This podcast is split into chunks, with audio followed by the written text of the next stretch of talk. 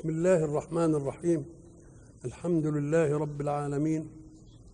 والصلاة والسلام على أشرف المرسلين وخاتم النبيين ورحمة الله للعالمين سيدنا محمد وعلى آله وصحبه أجمعين. وبعد فقد وقفنا في اللقاء السابق عند قول الله سبحانه أعوذ بالله من الشيطان الرجيم. ومن يقنت منكن لله ورسوله وتعمل صالحا نؤتها أجرها مرتين وأعتدنا لها رزقا كريما. وقلنا إن الحق في قوله يضاعف لها العذاب لم يتكلم عن بذاته عن نفسه وقال نضاعف. وإنما قال في إيتاء الاجر مرتين نؤتها. فكأنه في جلب الخير لها أسندها له مباشرة. وفي مسألة الشر جاء بها مبنية لما لم يسمى فاعله. وقلنا إن هذا شهادة إن الله يحب لعبده أن يكون طائعا. ويحب لعبده أيضا أن لا يكون عاصيا. ويفرح حين يتوب إليه. ولذلك أتينا بالحديث القدسي الطويل الذي قلنا فيه فإن أنت رضيت بما قسمته لك أرحت قلبك وبدنك وكنت عندي محمودا. وإن لم ترضى بما قسمته لك أتعبت قلبك وبدنك وتركتك تجري في الأرض جري الوحوش في البرية ثم لا يكون لك منها إلا ما قسمته لك وكنت عندي مذموما. يا ابن آدم خلقت السماوات والأرض ولم أعي بخلقهن. أيعيني رغيف عيش أسوقه لك بلا تعب؟ يا ابن آدم لا تطلبني برزق غد كما لم أطلبك بعمل غد. يا ابن آدم أنا لم أنس من عصاني. فكيف بمن أطاعني؟ الشاهد بقى هنا في الحب بقى إنه في الشر ما يبانش له وفي الخير يبان. قال له إيه؟ يا ابن آدم شوف الكلمة أنا لك محب فبحقي عليك كن لي محبا. نؤتها أجرها مرتين. يلاحظ هنا في الأسلوب إن من قال من يقنط؟ القياس الأسلوبي من تقنط؟ كده؟ وهنا قال وتعمل. مرة قال يقنط ومرة قال إيه؟ تعمل. أم قال لك لأن إحنا قلنا إن من؟ تأتي للمفرد والمفردة والمثنى بنوعيه وللجمع بنوعيه. فيقول من جاءك فأكرمه. ومن جاءتك فأكرمها. برضو من ومن جاءك فأكرمهما. الاثنين. ومن جاءوك فأكرمهم. ومن جئنك فأكرمهن. تبقى من للكل ولا لا؟ مرة يراعى لفظها فتكون مفردة. ومرة يراعى معناها فتكون مجموعة أو مؤنثة. فقال ومن يقنت وقال وتعمل. يبقوا جملة إيه ولذلك ابن مالك رحمه الله قال إيه؟ ومن وما وقال تساوي ما ذكر. يعني تستعمل بكل الإيه؟ كل الاستعمالات. هنا بقى حتة تانية. هيؤتها أجرها مرتين. وبعدين اعتدنا لها رزقا إيه؟ رزقا كريما. إحنا قلنا الرزق ما ينتفع به. كل شيء ينتفع به يبقى إيه؟ مأكل مشرب ملبس مسكن مرافق أي شيء ينتفع به علم حلم خلق كويس يبقى ده كله إيه؟ كله رزق. يبقى الرزق ما ينتفع ما ينتفع به وما أكثر ما نحتاج في الانتفاع. طب الرزق ده هو الكريم ولا اللي بيرزق هو الكريم؟ الرزاق هو اللي يبقى كريم. إنما كريم هنا وصف بها الرزق. يا دي ليه؟ أم قال لك لأنه بيتكلم في الآخرة. ورزق الدنيا له أسبابه. فالسبب هو الرازق. من والد من والد من أجير من تاجر بيشتري لي من المنتج ويديني يا مستهلك. كل الرزق دي إيه؟ يبقى الذي يجري الرزق على يده هو الذي يوصف بالكرم. لكن في الآخرة الرزق بيجي لك لوحده. يبقى الرزق هو اللي كريم. وأعتدنا لها رزقا إيه؟ كريما. يا نساء النبي لستن كأحد من النساء. كلمة أحد إحنا قلنا استعملت في اللغة بما لما يأتي. في العدد تقول إيه؟ أحد عشر. مش كده؟ إذا كان المعدود مذكرا. وإذا كان مؤنث إحدى عشرة لكن في النفي لا تستعمل إلا بصيغة واحدة. ما عندي أحد. لا راجل. ولا امرأة ولا رجلين ولا امرأتين ولا رجال ولا يبقى في النفي ما يستعملش إلا إيه؟ كلمة أحد. ولذلك قول الله ولم يكن له كفوا أحد. طب له أحد إحدى؟ لا ما فيش. يبقى أحد في النفي لا تستعمل إلا لشيء واحد. لستن قال لك إزاي بقى؟ قال لك لأن في شيء اسمه جنس وفي شيء تحت منه على طول اسمه نوع وفي شيء تحت من النوع اسمه أفراد. الجنس اللي هو إنسان مقابله جن. يبقى إنس أدي جنس. بس الجنس ده له أنواع. ذكر ولا أنثى؟ يبقى الذكر نوع إيه؟ الأنثى نوع. لم يصير نوعين إلا لاختلاف نشأ عنهما بعد اتفاق كان في الجنس. يبقى هم جنس لهم حد مشترك. حي ناطق مفكر. لكن لما بقوا نوعين إيه؟ بقى كل واحد له إيه؟ خصوصية. ما تخلطش النوعين مع بعض. زي إحنا قلنا زمان الزمن ظرف للأحداث ولا لأ؟ الزمن ظرف للأحداث. بس أحداث إيه؟ إن كانت أحداث حركة تبقى بتاعة النهار. إن كان أحداث سكون نوم يعني تبقى بتاع مين؟ يبقى الليل والنهار إيه؟ نوعين. بس الجنس بتاعهم إيه؟ زمن. بس كل زمن له خصوصية. ما تلخبطش دي في دي ولذلك قلنا زمان أعوذ بالله من الشيطان الرجيم بسم الله الرحمن الرحيم. والليل إذا يغشى والنهار إذا تجلى.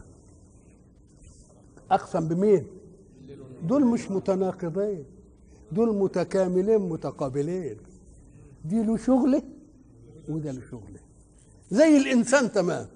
وما خلق الذكر والأنثى. إن سعيكم لشتى. إن سعيكم يبقى كل واحد له إيه؟ إن حاولت تعمل الليل نهار والنهار ليل وتعمل الراجل امرأة والمرأة راجل يبقى إيه؟ يبقى خالفت. ما دام نوعين يبقى كل واحد له إيه؟ إن سعيكم لشتى. كل واحد له إيه؟ ولذلك إحنا قلنا إن الراجل العمدة اللي ضرب الغفير عنده مر عليه رجل من أهل القرية كده فلقاه بيضربه. حاشوا عنه. تضربه ليه يا عم إبراهيم؟ ليه عمل إيه قال مريت عليه لقيته نايم. قام مسكه كده قال له ما هو أصله كان بيروي ليلته النهار.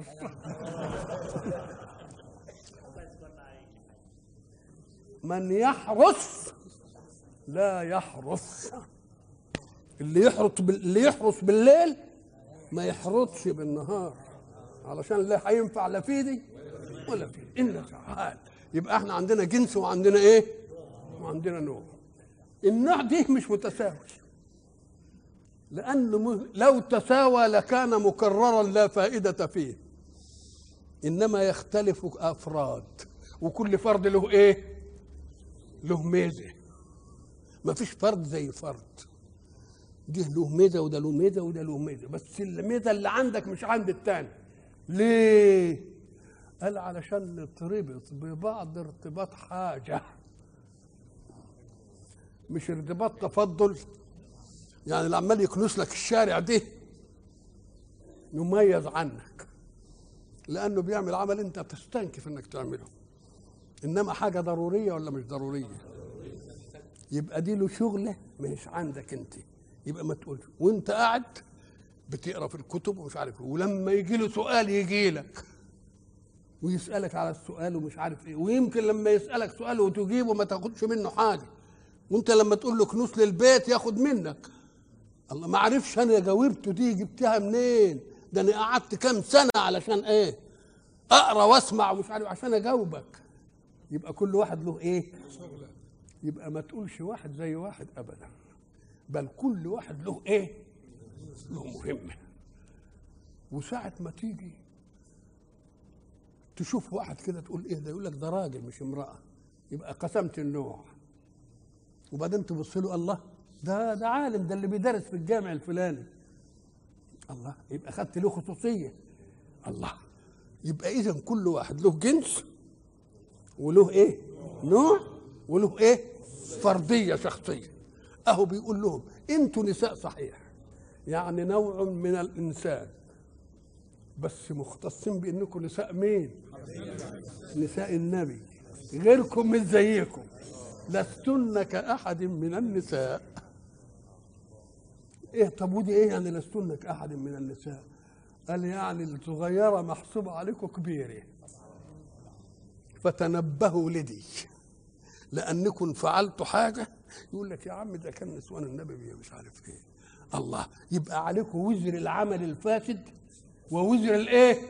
الأسوة السيئة. وتبقوا مضليتم وأضليتم. وما دام تضلوا وتضلوا يبقى لكم إيه؟ عذابين اتنين لستن كأحد من النساء. يبقى كل إيه؟ كل جماعة لهم ميزة. أنتم ممتازين انكم نساء النبي. ما تقولش إحنا نطلق نساء.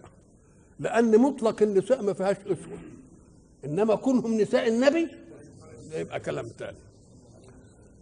يا نساء النبي لستن كأحد من النساء. طب لستن كأحد من النساء. هل الشرط اللي بعدها داخل فيها إن اتقيتن؟ تبقوا لستن كأحد من النساء. إن اتقيتن تبقى المسألة الخصوصية مش أنكم لأنكم زوجات النبي. ده المسألة لأنكم إيه؟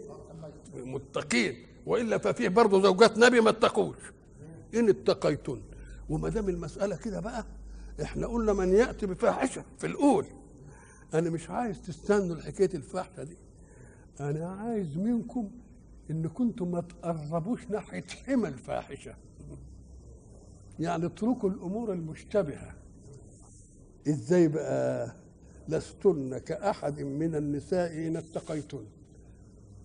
فلا تخضعن بالقول فيطمع الذي في قلبه مرض. إيه يعني فلا تخضعن بالقول يعني إن اضطر تكلموا رجال فتكلموا بصوت. لا ليونة فيه ولا تكسر ولا ميوعة ولا معه نظرات أو اقتراب. ما هو في واحد لما تكلمه كده يقول مقرب لها كده ومش عارف إيه أو يبص في النظر. أنا ما بقولكش أنتوا وحشين. إنما اللي قابل اللي قابلكم ده مش ما نضمنوش فيطمع الذي في قلبه مرض. فما تدلوش فرصة. بس شوف بقى شوف المسائل عند حدودها معنى ذلك يعني يكلموه بغلظة. يكلموه بخشونة. قال لك لا وقلنا قولا معروفا. ما سابش المسائل كده يعني. ولذلك الراجل اللي الجارية بتاعته أو الخدامة جه واحد على الايه؟ على الباب يسأل على أخ على ابن له. ويظهر الواد كان شوية يعني واد وسيم قعدت تلك وياه مش عارف ده إيه وايه وأه. قام الراجل شافها طولت قام راح لقى ولد بيسأل على ابنه. فضربها وهنها ومش عارف إيه. آه انت بتكلمي مش عارف إيه. خلاص كده انتهينا من دي تاني يوم أو ثالث يوم جه الولد ده برضه أو زميله سأل على. قالت له اخت ما هو شنين عن أبوك ولاد كلب وجبت له. اهي اهي دي اللي عايزها. اللي ربنا عايزها منه لا تخضعن بالقول. ما تلينوش الكلام. ما تعملوش نعومة. ما تعملوش تكسر. لكن بالمعروف. قال لك والمعروف ده يجي إيه؟ قال لك حينما يكون يتكلم فأنت لا تأخذ إلا بأذنك. اوعى تمد عينك له لأنه لما تمد عينك له كده يقول لك ده البنت واخدة بالها مني ومش. مثلا. فإن كان في قلبه مرض يطمع. اذا الحق سبحانه وتعالى يريد أن يمنع المرأة من أن تجرئ عليها من في قلبه مرض. ولذلك هيجي في آية ثانية يدنين عليهن من جلابيبهن. قال إيه هات التعليل. ذلك أقرب إلى أن يعرف. أدنى يعني أقرب إلى أن يعرف. مش كده؟ أدنى. فلا يؤذين ليه؟ لأن لما يلاقيها ستر مفاتنها ولا بين منها عرف إنها ليست ممن يعرض جمال جسمها على الرجل. فما يتجرأش يقول لها يا باشا يا مش عارف يلي يا مش عارف إيه ما يتجرأش يعرف إنها ملتزمة. ليه؟ لأن الحكماء قالوا إذا رأيت امرأة تظهر محاسنها لغير محارمها فقل إلحاح المرأة في كشفها إلحاح في عرض نفسها على الرجل. معناها بتقول له فتح يا بجم. انت مش شايف الان معناها كده. اذا قول الله ذلك أدنى أي أقرب إلى أن يعرفن بأنهن لا يعرضن مفاتيحهن فلا يتعرضن لسوء من القول ولا يتعرضن لمعاكسة البذيء أو المستهتر. يبقى الحق سبحانه وتعالى يريد من المرأة التي للنبي إن إذا تكلمت اولا من وراء حجاب. والكلام يبقى بإيه؟ مع بالمعروف. ولا يكونش فيه لين عشان اللي في قلبه مرض. ما. يبقى إحنا إذا ما بنطعنش في المراه إنما هل الذي يراها كذلك؟ تقول أنا صحيح مسافرة. إنما ما حدش يقدر مش عارف. إنما اللي بيشوفك يعني كده ولا ما مش كده؟ نعم. يا نساء النبي لستن كأحد من النساء. إن اتقيتن فلا تخضعن بالقول فيطمع الذي في قلبه مرض ولكن ما تزودوهاش بقى زي زي الخدامة ما زودتش كده. وقلن قولا معروفا. وقرن في بيوتكن. الله. وقرن في استقروا في البيت. ليه؟ أم قال لك؟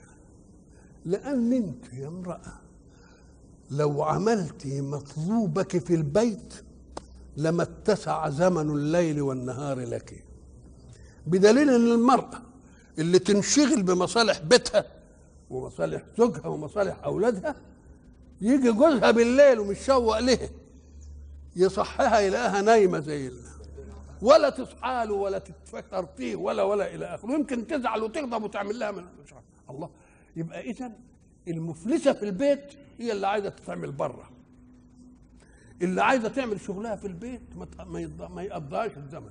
ولذلك نقول للمرأة ابحثي عن المصارف للمصالح التي يتطلبها البيت وتصنعينها خارج بيتك عند أهل الصنعة.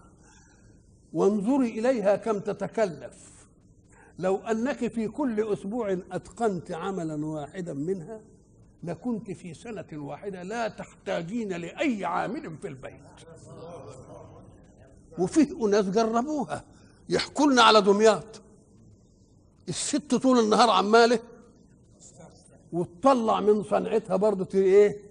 في السوق. وتجيب بحيث إن البنت لما تيجي تتجوز تلتفت تلاقيها لا ترهق أباها في شيء. مجهزة نفسها ومسيغة روحها وعاملة كل حاجة وبقى عندها خميرة يعيش بها زوجها إن أراد أن يعيش.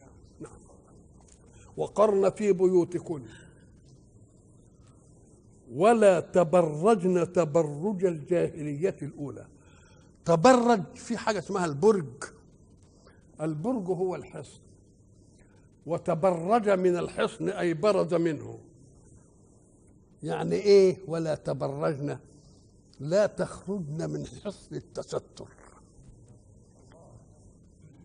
لا تخرجن من حصن التستر. وبعدين تتبرجوا تبرج الجاهلية الأولى بقى. الجاهلية الأولى بقى اللي كل ال- الجسم الجسم باين. طب ما انت الب- البلاد اللي في إفريقيا لما يجيبوا لك صور الناس فيها تلتفت تلاقي إيه؟ كل عورتها كل عورتهم باينة. الله. وما كانوش يجدوا في دي غضاضه وخصوصا إذا كنا إماء أو جواري أو عبيد أو أو إلى إيه؟ إلى آخره. ولا تبرجن تبرج الجاهلية الأولى. لا في جاهلية أولى وجاهلية ثانية قال لك لا يقصد بالأولى أي الجاهلية التي تقدمت الإسلام. الجاهلية الأولى يعني الإيه؟ المتقدمة التي تقدمت مين؟ الإسلام. وإلا فالإسلام يبقى عمل إيه؟ ومع ذلك فإن اللي كانوا في الجاهلية برضه كانت لهن من الكرامة ما تفرق بين حرة وأمة. الإماء هم اللي كانوا ينصبوا لهم أماكن للدعارة والبتاع لكن الحرة ولذلك حينما أخذ رسول الله العهد على النساء المؤمنات ولا يزنين قالت امرأة أبي سفيان أو تزني الحرة؟ كأن حتى في الجاهلية الحرة ما تزنيش يعني معناها إن دي إيه؟ تستنكف أن تكون منه. ولا تبرجن تبرج الجاهلية الأولى. وهناك الآية إيه؟ أعوذ بالله من الشيطان الرجيم. اقرأ. والقواعد من النساء اللاتي لا يرجون نكاحا. فليس عليهن جناح أن يضعن ثيابهن. يعني يرفع الايه غير متبرجات بزينة. ولذلك انت برضه تشوف ناس يمكن سنهم خمسين سنة وستين سنة ومكرمشين وحالتهم لظى. قال وعامله احمر وعامله ابيض قال سبت إيه السودة دي؟ بالله ما بتقف قدام المراية دي. ما تشوفش نفسها إيه إيه؟ غير متبرجات بزينة. نعم. وقرن في بيوتكن. ولا تبرجن تبرج الجاهلية الأولى وأقمنا الصلاة وآتينا الزكاة اللي هي عمدة التكاليف إقامة الصلاة ولذلك لا تجد صلاة إلا مقرونة بإيه؟ قلنا بالزكاة ليه؟ لأن الزكاة ببعض المال والمال فرع العمل والعمل فرعه الزمن والزمن الصلاة بتاخده فيبقى أنت ضحيت بكل الزمن في المية وهي الاثنين ونص في المية كمان. يبقى الصلاة والإيه؟ وأيضا يفهم منها أن للمرأة المسلمة ذمة مالية مفصولة عن ذمة الغير من أب أو زوج. بدليل إنه قالوا إيه ادفعوا الزكاة. يبقى معناها إنهم يملكوا. آه ما دام يملكهم يبقى لها ذمة مالية. والحضارة الحديثة كان المال يبقى للأب وكل حاجة. ولما الزوجة تتزوج يبقى بتاع مين؟ يبقى بتاع الزوج. وأهم من هذا وذاك إن الحضارة خلمته. أول ما تتزوج ينسى اسم أبيها. وتبقى فلانة منسوبة لمين؟ لجوزها. انتهت المسألة. الصلة بمين؟ وإحنا عندنا عائشة بنت أبي بكر. ما قالش مرات محمد لا. عائشة بنت مين؟ بنت أبي بكر. وقرن في بيوتكن. ولا تبرجن تبرج الجاهلية الأولى. وبعضهم يقال البرج هو الاتساع في الشيء. ولها ما توسعيهاش يعني. بزيادة الكفين والقدمين ما توسعيش الإيه؟ المسألة أكثر من كده. وأقمنا الصلاة وآتينا الزكاة وأطعنا الله ورسوله لأن المسألة مش بس إقامة صلاة وزكاة ده في حاجات إيه؟ حاجات كتير. وأطعنا الله ورسوله إنما يريد الله ليذهب عنكم الرجس أهل البيت ويطهركم تطهيرا. الرجس بالسين هو نفس الرجز بالزاي بس الرجز بالزاي فيه الرجز والرجز في إيه؟ والرجز فيه وهناك عذاب من رجز من رجز أليم. إيه هو الرجز الرجز هي القذارة.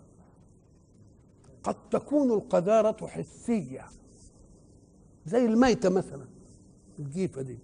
دي قذارة حسية ولا لا؟ والخمر.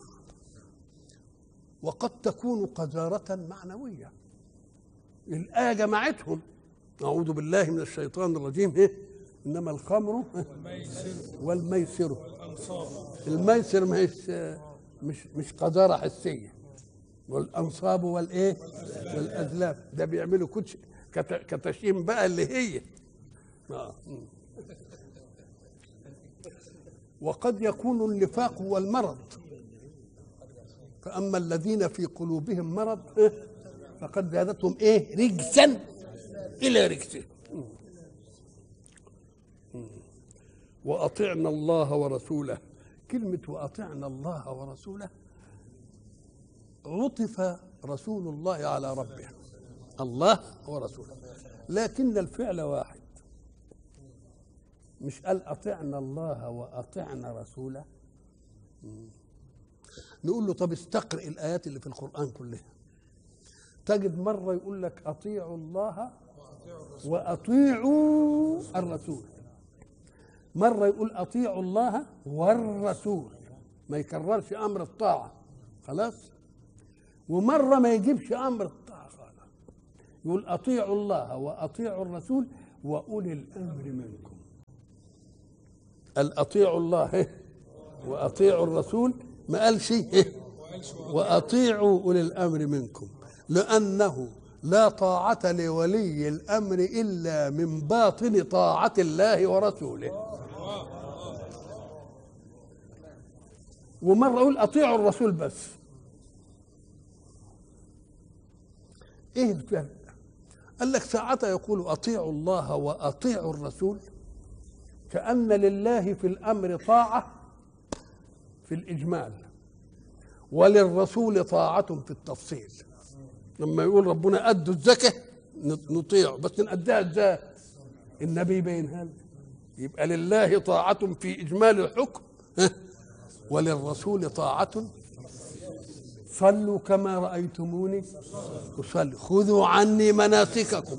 الله يبقى لله أمر في الحكم شامل وللرسول حكم في التفصيل. يبقى هنا طاعة وهنا إيه؟ وهنا طاعة. وإذا قال أطيعوا الله والرسول يبقى توارد توارد أمر الرسول مع أمر ربه. تبقى طاعة واحدة. وهب أن الرسول له فعل والله له فعل. قال لك ما فصلناش الله عن رسول. بدليل أن الفعل يبقى لهما. وما نقموا إلا أن أغناهم الله. وما قالش وأغناهم رسوله عشان تقول كل واحد بإيه؟ بقدره. ده الفعل واحد. أغناهم الله وإيه؟ ورسوله. الله. والله ورسوله أحق أن يرضوهما ولا يرضوه؟ يرضوه لأنهم هم ما أسموش. الله ورسوله أحق إيه؟ أن يرضوه لأنهم هم ما أسموش من بعض. الله.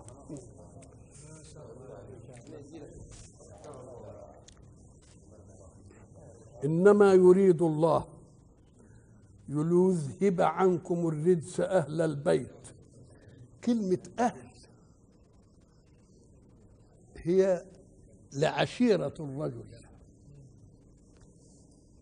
لكنها تطلق في عرف الاستعمال على المرأة امرأته.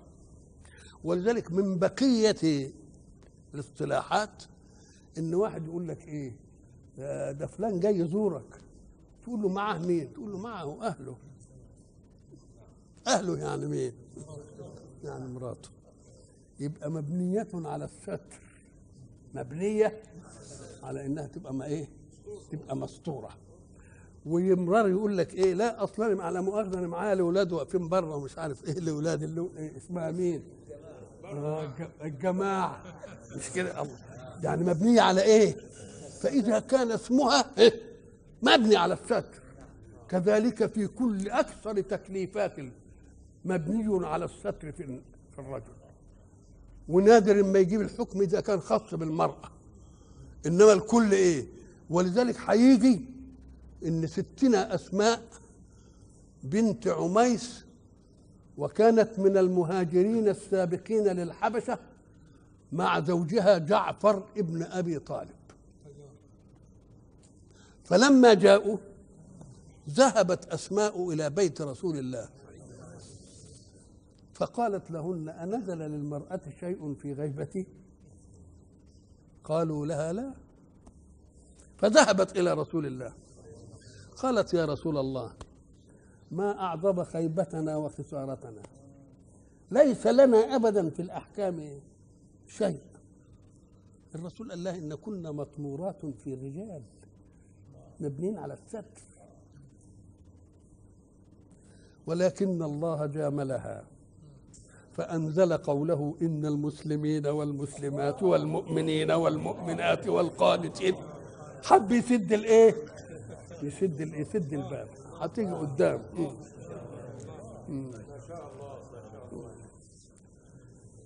وأطيعنا الله ورسوله. إنما يريد الله. خد بالك بقى. ليذهب عنكم. طب الكلام للنسوان. كان يقول إيه؟ ليذهب إيه؟ عنكن برضه إيه؟ مش لما قال لهم الكلام الخاص بهم. مشى المسألة طوالي رجع برضه إلى الستر. ليذهب عنكم الرجس أهل البيت ويطهركم. مش كنا. تطهيرا. أو لأنه يريد أهل البيت بقى كلهم حتى الحسن والحسين واللي عايشين ويا النبي عليه الصلاة والسلام. صح يعني. واذكرن اهي دي لهم اهي ما يتلى في بيوتكن من آيات الله والحكمة. آيات الله يعني القرآن. والحكمة. حديث رسول الله صلى الله عليه وسلم. وبعضهم يقول الحكمة معطوفة على القرآن دي من عطف الصفة على الموصوف ويقول كده. نقول له يا أخي ما دام المسألة فيها وسع الآيات الله القرآن والحكمة اللي هو قول مين إيه؟ قول الرسول عليه الصلاة والسلام. واستدل هناك بيقول لقد آتينا موسى وهارون الفرقان وضياء للمتقين. واذكرنا إحنا قلنا في الدرس اللي فات الذكر هو استحضار المعلومة التي كانت مرة في بؤرة الشعور ثم تحولت إلى حاشية الشعور. اوعى تغفل عنها وتستنى جايبها لايه خليها ببالك يعني. يبقى الذكر معناها إيه؟ استعادة معلومة كانت في بؤرة الشعور.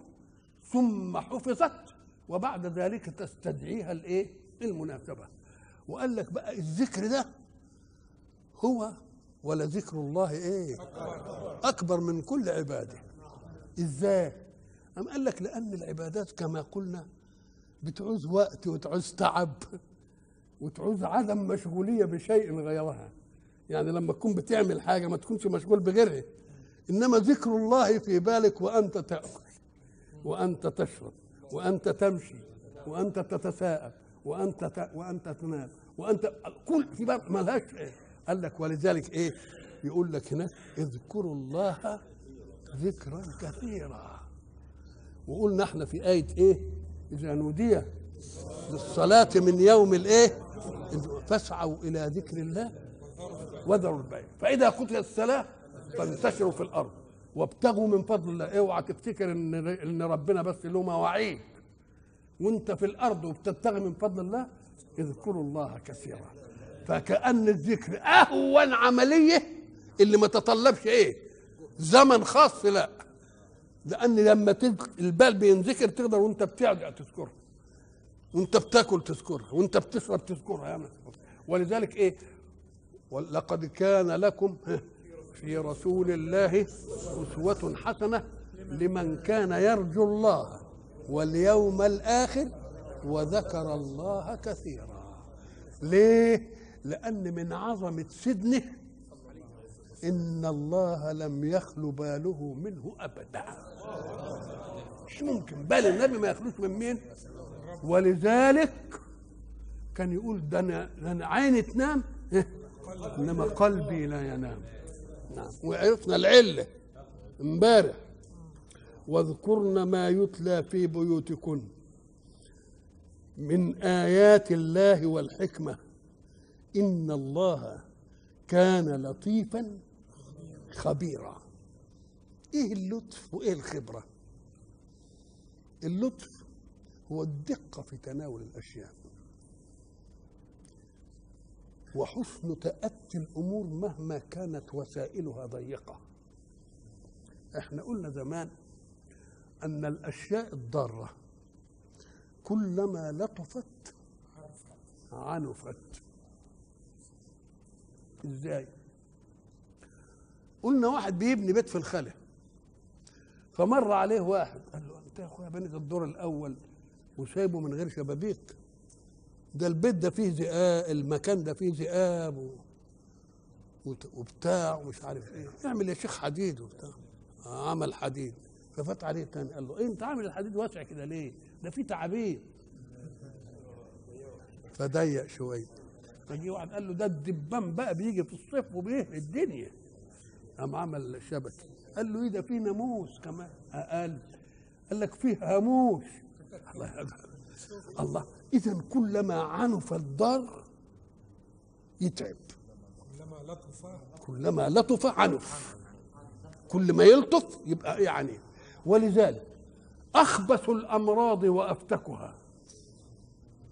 من لا يهتدى فيه لميكروب. يقول لك لسه الفيروس بتاعه ما عرفناش هو إيه. آه أعنف الأمراض. هو اللي إيه؟ يبقى اللطف معناها إيه؟ حسن التأتي والتغلغل في الأشياء. لما يكون عندنا جحر وعايزين ودخلت ح- ح- قط- قطة فيه واخدة خطف حاجز وبعدين حبينا إيه نجيبها. يجي الراجل يحط إيده كده ما تدخلش. يقوم يجيب عيل صغير يقول له مد إيدك كده.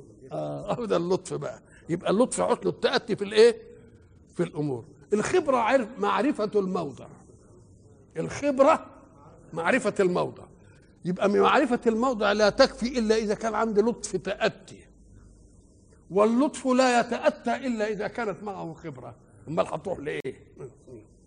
يبقى ربنا عنده الإيه؟ لطيف وإيه؟ وخبير. أدي آية بقى إن المسلمين دي عشان خاطر مين بقى؟ ستنا أسماء بنت عميس.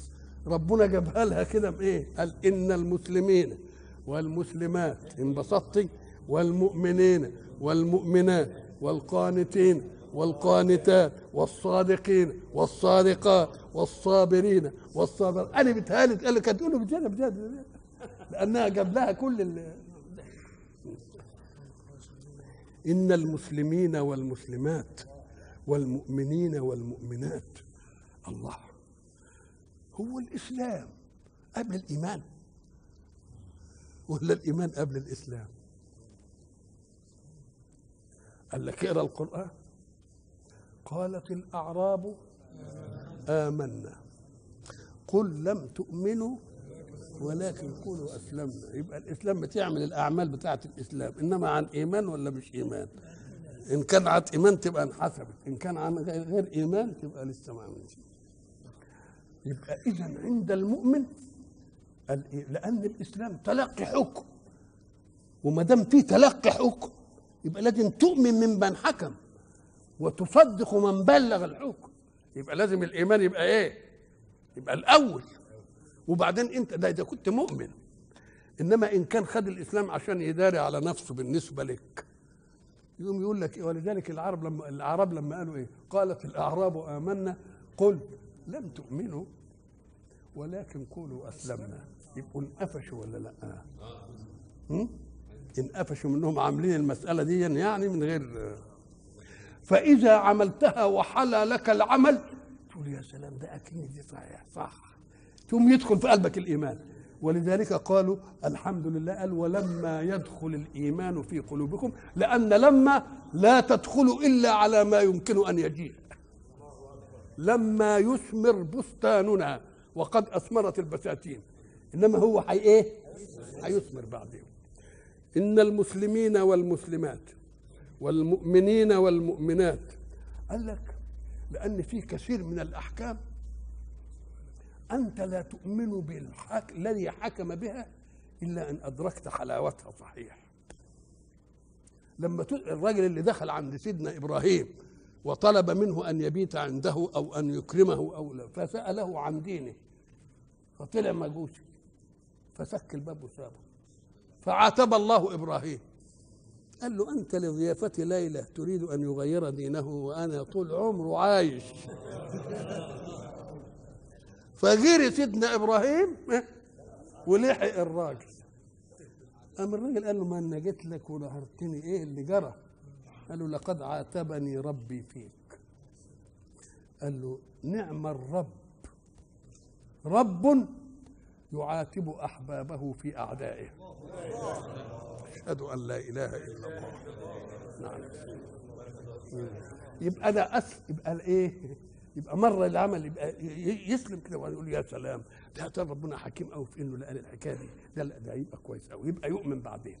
يبقى إن المسلمين والمسلمات والمؤمنين والايه ويداومون قانتين داعين مخبتين. ليه؟ لأن لما يبقى قانت وعابد ودائم يبقى حلى له الإيه؟ حلى له الأمر. حال له حركة الإسلام وينبوع الإيمان في قلبه. قانتين. والصادقين والصادقات. طب هم مسلمين وبقوا مؤمنين وبقوا إيه؟ قانتين. خلي بالك.